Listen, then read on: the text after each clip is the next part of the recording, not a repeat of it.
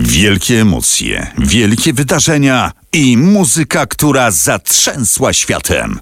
Rock'n'rollowa historia świata w RMFFM. Halo, halo, tu Marcin Jędrych, prosto z domowego studia. Zapraszam na kolejne spotkanie pod niezwykle elektryzującym hasłem Rock'n'rollowa historia świata. Dziś odcinek czwarty, zatytułowany But Seriously. Jak pewnie zdążyliście się już zorientować, e, tytuły tych odcinków to są zarazem tytuły płyt artystów, którzy mocno przyczynili się do tego, że rock and roll tak świetnie prezentuje się e, w, nawet i w XXI wieku. No i dziś tym bohaterem naszego spotkania będzie Phil Collins. Właściwie to będzie historia z Philem Collinsem w tle, trochę o muzycznej przyjaźni, trochę o takich e, pomysłach na to, jak można e, ten świat rock'n'rollowy zbudować w oparciu o różne bardzo oryginalne pomysły. Mm, ale dziś zacznę y, chyba już tak tradycyjnie od tego, jak y, rozpoczęła się moja przygoda z Philem Collinsem, i tutaj muszę sięgnąć do moich bardzo starych notatek, bo to jest czas, kiedy namiętnie słuchałem listy przebojów Radia Luksemburg na falach średnich to była połowa lat 80. E, tutaj trzeba dodać, że wtedy odbiór e, tej stacji na falach średnich to nie była łatwa sprawa. One były dość mocno zakłócane przez pewnie naszych, nasze ówczesne władze albo też jeszcze kogoś innego, co oznaczało, że czasem trzeba się było trochę nawet domyślić, co oni tam grają, co puszczają, nie mówiąc o tym, co tam e, opowiadają na tej antenie ale mnie się udawało za każdym razem, czy to było we wtorkowe wieczory, czy też w niedzielne wieczory, bo lista była prezentowana dwukrotnie, e, zapisywać te wszystkie e, przeboje, które tam prezentowali, no po to, żeby się czegoś nowego o muzycznym świecie dowiedzieć. No i właśnie mam tutaj mój ukochany zeszycik. To jest e, właśnie ten zeszyt, którym to wszystko mam spisane. No i patrzę tutaj, 17 marca 1985 roku. Na pierwsze miejsce e, brytyjskie listy przebojów wtedy wskakuje z miejsca 17 kawałek zatytułowany Easy Lover, który wykonują wspólnie Phil Bailey i Phil Collins. I wydaje mi się, że to właśnie był jeden z tych momentów, kiedy po raz pierwszy wtedy e, usłyszałem, że jest ktoś taki jak e, Phil Collins, że jest taki gość, który po prostu nie dość, że gra na perkusji, to jeszcze bardzo dobrze śpiewa. No i od tego kawałka można powiedzieć, że ten mój sympatyczny do niego stosunek E, się e, rozpoczął. Zresztą przypomnijmy sobie ten Easy Lover, bo być może niektórzy z Was nie kojarzą tego nagrania. Bardzo proszę. O, tak to brzmi.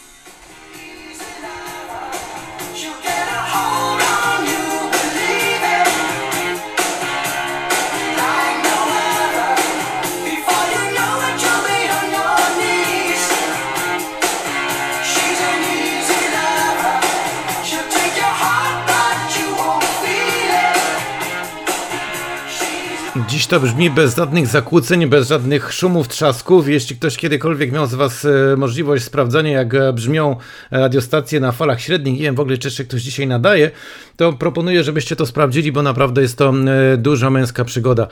Takie brzmienie w słuchawkach, zwłaszcza tych różnych dziwnych dźwięków. No i to właśnie był początek mojej historii, przygody, powiemy nawet więcej, przyjaźni z Philem Collinsem.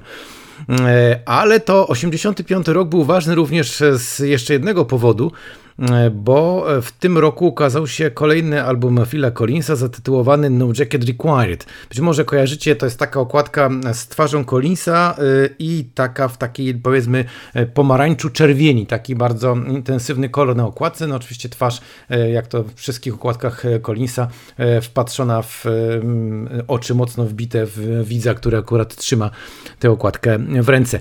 No i na tej płycie było kilka bardzo charakterystycznych utworów, które gdzieś tam przemknęły przez radiowe anteny, które być może kiedyś nawet zdążyliście złapać, takie chociażby jak Susudio z takimi pięknymi, y, taką piękną sekcją instrumentów dętych, ale na tej płycie jest takie jedno nagranie, które zresztą nie tylko moim zdaniem jest jednym z najbardziej niedocenionych z tamtego okresu, i e, takim, które e, wszyscy uważali, że ono koniecznie powinno się ukazać e, na singlu, że powinno stać się przebojem, bo przecież też Collins był znany z tego, że potrafił robić utwory bardzo sentymentalne, nastrojowe, takie porywające i takie troszkę ruszające za serce.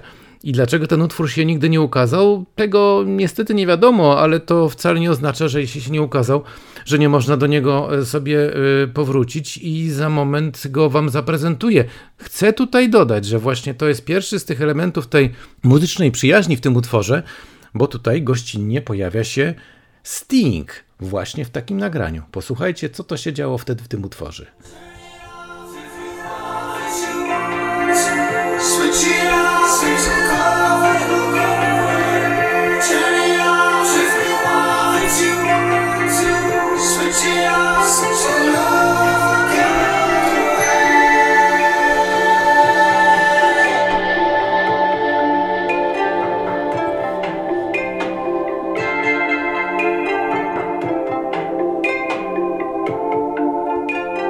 Taki bardzo nastrojowy, taki bardzo przejmujący utwór.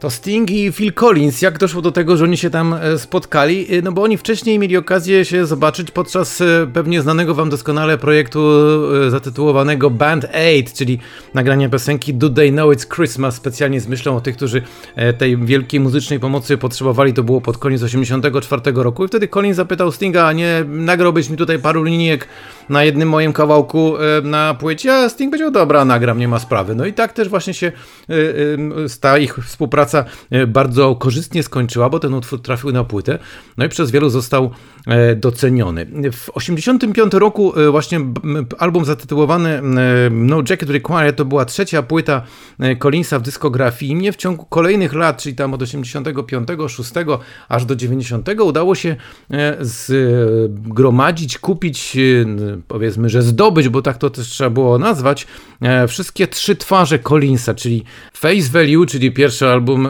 Collinsa Hello I Must Be Going to ta druga płyta z tą niebieską okładką i właśnie wspomniany No Jacket Required i czekałem na płytę czwartą która miała się ukazać pod koniec 89 roku. Ona się ukazała dokładnie 7 e, listopada 89 roku. Tutaj powraca tytuł But Seriously, czyli tytuł naszego odcinka dzisiejszej rock'n'rollowej historii świata. No i ten album ukazuje się na dwa dni przed upadkiem muru berlińskiego. No i to przy okazji jest taki odnośnik do podcastu zatytułowanego Achtung Baby. Gdyby ktoś go wcześniej nie odsłuchał, to ten e, poprzedni z numerem trzecim właśnie gdzieś tam ma również swoje e, berlińskie chińskie odpryski proszę również, z, po, jeśli będziecie mieli chwilę, e, posłuchać. No i e, tutaj, jeśli chodzi o album Bad Seriously, to wydaje się to dość e, dla mnie dziś już oczywiste, że wszyscy kojarzą tę płytę i przypominają sobie, że ten album promował kawałek zatytułowany Another Day in Paradise.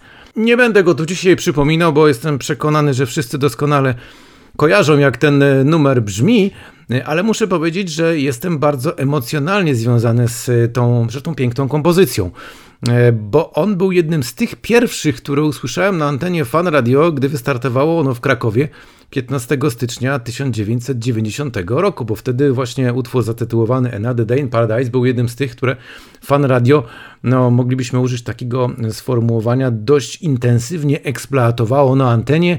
Niektórzy nawet uważali, że po prostu katowało ten numer na antenie. No grali go tak e, średnio co 2-2,5 godziny. Taka była to wtedy tak zwana heavy rotacja, czyli bardzo intensywna e, prezentacja utworu, ale to też e, odnosiło zamierzony efekt. Ludzie bardzo szybko się z nim zaprzyjaźniali, no i dzięki temu ten numer stał się takim wielkim światowym przebojem.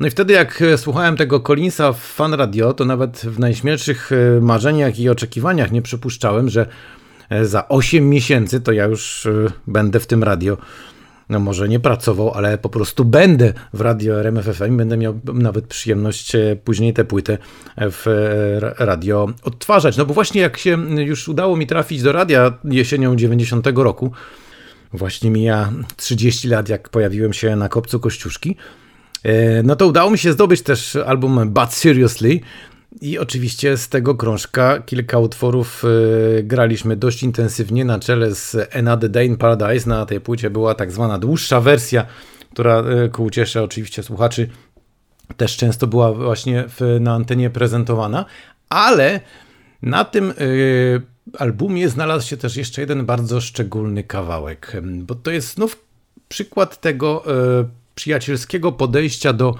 muzyki, tych kontaktów pomiędzy artystami, tego w jaki sposób oni ze sobą e, po prostu współpracują, funkcjonują. No bo e, na e, albumie zatytułowanym But Seriously w kawałku I Wish It Would Rain Down pojawił się gościnnie Eric Clapton na gitarze.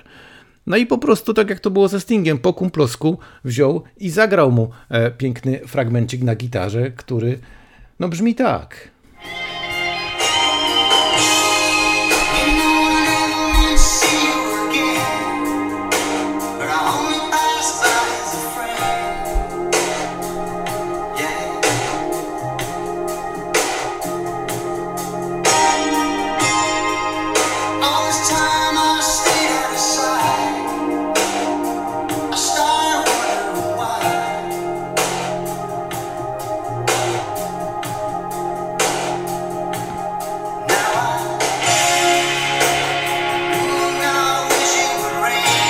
Pięknie skowycząca gitara Claptona i wokal Collinsa, no tak to się zawsze dobrze komponuje, dobre z dobrym zawsze daje dobre. To Collins i e, Eric Clapton w utworze I Wish It Would Rain Down. No i to znowu był taki rewanż, no bo przecież kiedyś w połowie lat 80.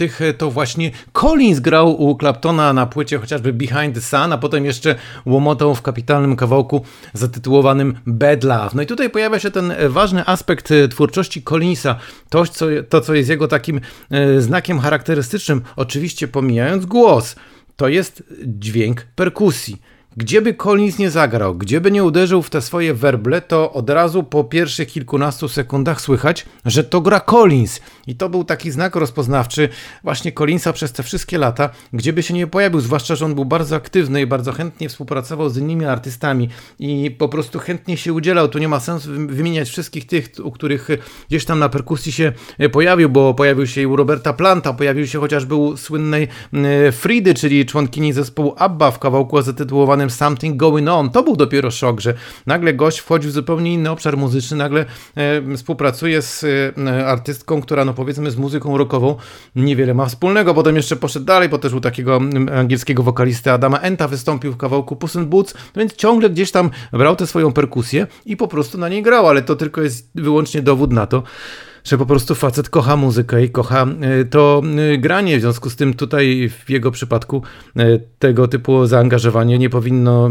nikogo chyba nawet dzisiaj dziwić. Zresztą jeszcze o tym będę nieco później mówił. Natomiast teraz chciałbym jeszcze powiedzieć o tym, że Płyta zatytułowana But Seriously to był taki mm, ważny moment w karierze Collinsa, bo była to zarazem płyta, która jeszcze dość mocno komercyjnie e, zbudowała jego pozycję i pokazała, jak e, funkcjonuje w muzycznym świecie. E, to oczywiście nie zawsze jest największym wyznacznikiem, najważniejszym elementem, jakby jeśli chodzi o twórczość artysty, ale na pewno też to się liczy, bo przecież artysta robi muzykę też po to, żeby ją upowszechnić, żeby trafiła do szerokiego grona na odbiorców po to, żeby mogli słuchać i żeby ta muzyka dawała ludziom słuchającym jego utworów po prostu radość i przyjemność. Tak to jest e, właśnie u mnie. Za każdym razem, kiedy sięgam po jakieś kawałki Collinsa, zwykle sięgam po takie, które nie są popularne, nie są znane, bo wtedy też to czucie jest znacznie przyjemniejsze. Mm, to właśnie ono tak bardzo pozytywnie E, na mnie działa. I teraz dochodzimy do tego najważniejszego momentu związanego z Collinsem, z tą przyjaźnią, która dziś tu się przewija tak e, przez e, cały ten dzisiejszy podcast. Bo jesienią 2002 roku rozpoczęła się promocja płyty Collinsa, kolejnego albumu, który został nazwany Testify. I nagle w, w radiu pojawiła się taka informacja, że jest możliwość zrobienia wywiadu z Collinsem w Genewie. No i dostałem szybkie pytanie, czy jadę, czy chcę, czy mogę i tak dalej. No więc oczywiście na takie e, pytanie odpowiedź mogła być tylko jedna. Oczywiście zbieram się i pędzę, bo to przecież może być e, spotkanie życia. I tak faktycznie było. E, to była szybka historia i szybka akcja, bo dostałem tą informację gdzieś chyba jakoś w połowie tygodnia E, po południu i okazało się, że właściwie chyba w, to było chyba we wtorek, a we czwartek miałem rano samolot do Genewy, po południu wywiad i potem powrót. No więc oczywiście no, nie było zbyt dużo czasu, żeby się do tego dobrze przygotować, więc pamiętam nawet, że jeszcze jak jechałem pociągiem do Warszawy, bo samolot miałem z Warszawy, to jeszcze w pociągu układałem pytania do, do Collinsa. Doleciałem bezpiecznie do Genewy, szybciutko, piękne miasto, choć niewiele zdążyłem z niego zobaczyć, no i potem musiałem oczywiście ustalić gdzie jest ten hotel, w którym będzie ten wywiad, bo to też trzeba tutaj tak delikatnie zaznaczyć, że 2002 rok to jeszcze nie jest czas internetu, to jeszcze nie jest czas, kiedy się e, można posługiwać e, mapami w komórce albo szukać jakichś potrzebnych wskazówek w internecie. To tak jeszcze wtedy nie działało. Ale na szczęście, ponieważ miałem też miłe e, wspomnienia ze Szwajcarią i no powiedzmy, że znałem język, to byłem w stanie sobie tam jakoś poradzić. Okazało się, że ten hotel, w którym Collins, nazwijmy to, przyjmował dziennikarzy na wywiad, to był taki hotel w starym stylu, pachnący trochę takim starym drewnem, e, może nie najświeższej jakości.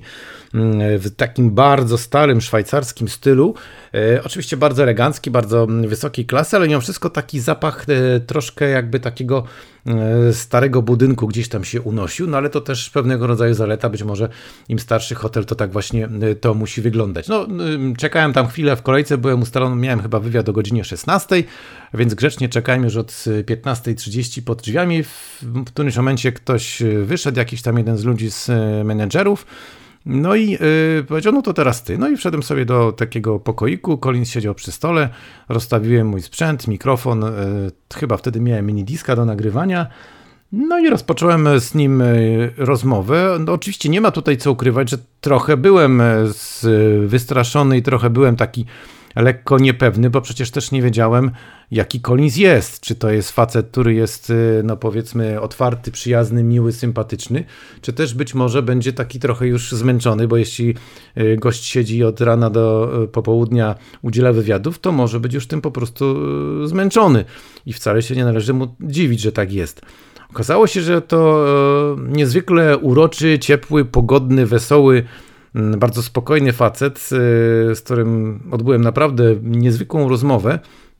Zresztą nawet to było tak, że y, wywiad był zaplanowany chyba na jakieś 15 minut, mm, a no byśmy sobie gadali, ja nawet nie patrzyłem na zegarek, bo liczyłem na to, że będzie mówił tak długo, jak, jak ktoś mu tam pozwoli. W którymś momencie skrzypnęły drzwi, przedtem jakiś menadżer, który e, pokazał Collinsowi, albo coś tam nawet powiedział, chyba żeby już kończyć, bo, bo czas minął, no to Collins mu tam machnął ręką, że jeszcze nie, że on tutaj wie, kiedy ma skończyć. No więc to był dla mnie kolejny sygnał, że e, dobrze nam się tutaj siedzi, E, miło nam się rozmawia. E, no i taką e, na koniec wymyśliłem sobie akcję, że muszę Collinsowi dać jakiś prezent z radia. I wtedy jak wyjeżdżałem do Genewy, żeby udać się na ten wywiad, to akurat w radiu pojawiły się bardzo oryginalne zegarki. To były takie zegarki firmy Timex Indiglo z tarczą, na której było wygrawerowane właśnie logo RMFFM, wtedy jeszcze z Matyldą. O, właśnie pociąg przejeżdża. Myślałem, że będzie przejeżdżał dzisiaj pociąg i przejechał właśnie, ale to taki szybki, więc nie będzie bardzo przeszkadzał. E, no i mm, pod koniec tego wywiadu, kiedy już tam e, nagrał ukochane przez wszystkich IDsy, powiedział, że nazywa się Phil Collins, nawet zrobił wersję polską, to mu też napisałem fonetycznie, jak to się e, mówi. No i mówię mu, że mam tutaj dla niego taki prezent, o jeszcze krzesło skrzypi, mam dla niego taki prezent z, z RMF-u, żeby pamiętał, że miałem okazję tutaj u niego być. To jest zegarek. No i tak Colin zbierze ten zegarek, patrzy na niego, mówisz co, to się świetnie składa. Bo ja akurat kolekcjonuję zegarki, to będę miał kolejny w moim zbiorze.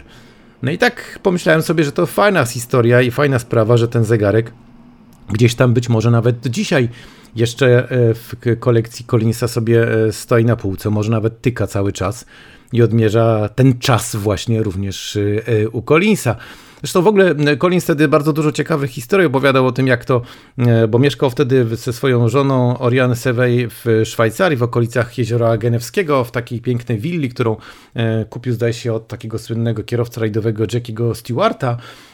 I mówił, że no oczywiście tam no, jego dzieci wtedy małe biegały w okolicy z sąsiadami, wszyscy go mniej więcej tam kojarzyli, ale też sporo ludzi, fanów całego świata wiedziało, że Collins mieszka w Szwajcarii. W związku z tym e, wysyłali również do niego listy, normalne listy po prostu pocztowe, pisząc na kopercie tylko Phil Collins, Szwajcaria.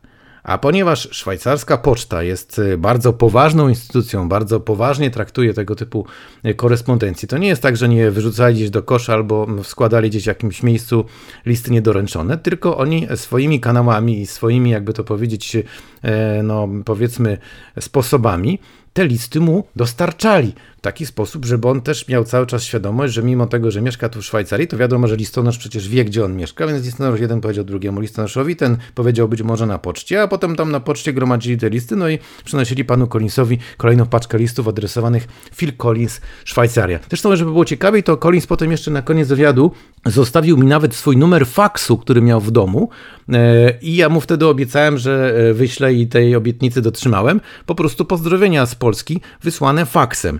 E, tutaj taka gwiazdka jest przy słowie faks. Gdyby ktoś z obecnych słuchaczy, a mogą się tacy trafić, nie wiedział, co to jest za urządzenie fax, no to takie urządzenie do zdalnego wysyłania dokumentów, czyli w jednym miejscu wpuszczało się dokument, tak jak powiedzmy do kserokopiarki, a z drugiej strony ten sam dokument wychodził. Taka to była technologia i taki faksik właśnie z kopca Kościuszki do Collinsa poszedł gdzieś tam do jego pięknego domu nad jeziorem genewskim i no, tak, zakończyła się ta nasza y, y, historia, ten mój kontakt. Y, nie chciałbym tutaj używać słowa przyjaźń, ale na pewno miłe spotkanie, które do dzisiaj z wielką przyjemnością wspominam, bo po pierwsze podpisał mi album zatytułowany Face Value z osobistą dedykacją, co jest bardzo cenne dla każdego fana muzyki, takiego jakim na pewno jestem ja. A po drugie, no też udało mi się zrobić z nim sobie bardzo fajne zdjęcie właśnie na tle takiej e, drewnianej ściany w tym pięknym hotelowym pokoju. No i na koniec tego naszego dzisiejszego spotkania, e, w którym Phil Collins jest głównym bohaterem, jest e, naszym, można powiedzieć, rock'n'rollowym przewodnikiem, no to jeszcze jeden akcent, który na pewno jest y, ważny, to jest to ubiegłoroczne spotkanie Collinsa z polskimi fanami 26 czerwca y, na Stadionie Narodowym. Kiedy to powiedział to słynne zdanie po polsku o tym, że miał operację pleców i że ma stopę, która jest y, no, niesprawna, nazwijmy to w ten sposób. Choć muszę szczerze powiedzieć, że jak go wtedy tam zobaczyłem, to naprawdę bardzo mi się zrobiło smutno i zacząłem się bardzo niego martwić, bo y, faktycznie on na tych koncertach y, wyglądał strasznie biednie. To życie go dość mocno doświadczyło, te operacje, te problemy zdrowotne, to wszystko, co e, miało miejsce w ciągu ostatnich kilku lat, no y, z takiego niezwykle aktywnego i przecież znakomicie sprawnego fizycznie faceta, bo przecież granie na perkusji przez dwie godziny wymaga żelaznej kondycji fizycznej, zrobiło z niego trochę takiego niestety, muszę to powiedzieć wprost, dziadeczka. No tak to czasami wygląda, popierający się laską Collins, y, gdzie no powiedzmy jeszcze nie jest to facet, y, który miałby 90 lat i laseczka w jego przypadku byłaby już czymś absolutnie naturalnym. No jeszcze jest przed 70, 70 lat skończy w, w styczniu przyszłego roku. Więc y, wierzę w to, że rock and roll jako muzyka, która doskonale konserwuje i doskonale zasila energią każdego artystę, pomoże mu jeszcze przetrwać i będzie mógł funkcjonować dalej w tym rock'n'rollowym świecie. Być może już nie musi wydawać kolejnych płyt, być może już nie musi nas czymś nowym zaskakiwać, bo to przecież nie o to chodzi. Ważne, że młode pokolenie rośnie, bo przecież jego syn Nikolas, który też był na tych koncertach prezentowany, też już e, świetnie zajmuje miejsce ojca za bębnami.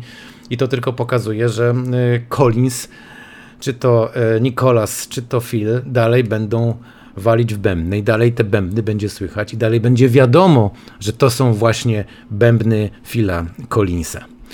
I to tyle na dziś. Bardzo dziękuję za to miłe spotkanie w rock'n'rollowej historii świata. E, cieszę się, że mamy okazję spotykać się tu z Wami e, w takim e, szczególnym miejscu, w takich, no może specjalnych okolicznościach, ale myślę, że przez te chwilę nie warto sobie tym głowy zajmować. Jedyne, czym chcę Was zająć teraz, to zaproszeniem na następne spotkanie, bo rock'n'rollowa historia świata powróci do Was w kolejnym odcinku zatytułowanym Nothing Like the Sun. Do usłyszenia.